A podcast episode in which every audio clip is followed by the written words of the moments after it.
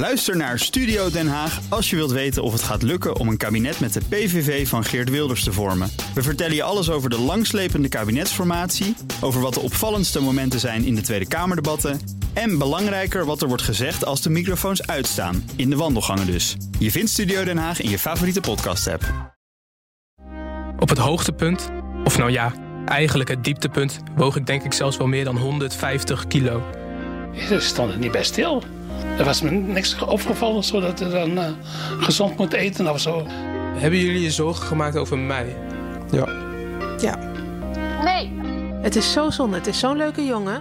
Dan ben je bang gewoon voor, de, komt dat wel goed met, met hem? Ik dacht echt op een gegeven moment dat hij een beetje straatvrees had. Ik zie in de kliniek ook jonge mensen die verder helemaal gezond zijn. Het enige wat ze dan hebben is obesitas. Dat die echt wel heel ernstig ziek kunnen, kunnen worden. En, en, en zelfs dat we mensen hebben zien overlijden. Op ontzettend veel verschillende manieren probeerde ik gezonder te worden. Maar telkens was het gedoemd om te mislukken. Maar deze keer? Nu gaat het anders zijn. Ik ben Aaron Lopatti, journalist en maker van de podcast Met Afvallen en Opstaan. Luister vanaf maandag 28 december naar de podcast via de BNR-app of via je favoriete podcast-app.